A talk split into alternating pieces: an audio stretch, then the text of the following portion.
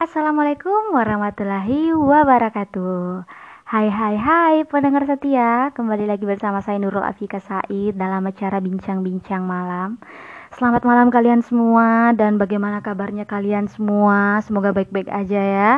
Sehat alfiat dan yang pastinya tetap semangat. Senang sekali rasanya Ika bisa kembali hadir Menemani pendengar setia semua Nah, Ika bakal menemani pendengar setia yang sekarang lagi gegana atau gelisah galau merana ataupun yang lagi senang hati nih, yang mungkin habis jalan sama keluarga ataupun pacarnya ya kan.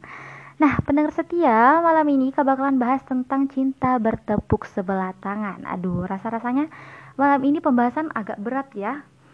Nah, istilah cinta bertepuk sebelah tangan yang sering kita dengar di kalangan masyarakat umum yakni menjelaskan kondisi di mana seorang yang mencintai orang lain namun orang lain tersebut tidak memiliki rasa cinta yang sama. Nah, pendengar setia, Ika bakalan kasih 6 tanda cinta bertepuk sebelah tangan deh. Agar pendengar setia semua bisa menyadarinya ya.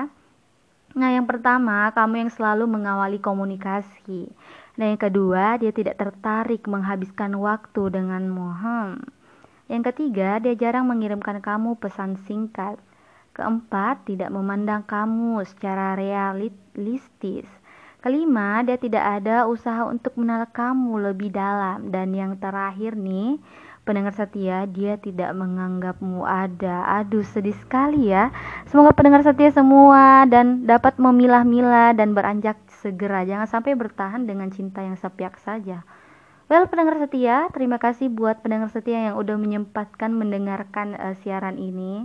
Saya Ika pamit undur diri. Wassalamualaikum warahmatullahi wabarakatuh. See you. Bye bye.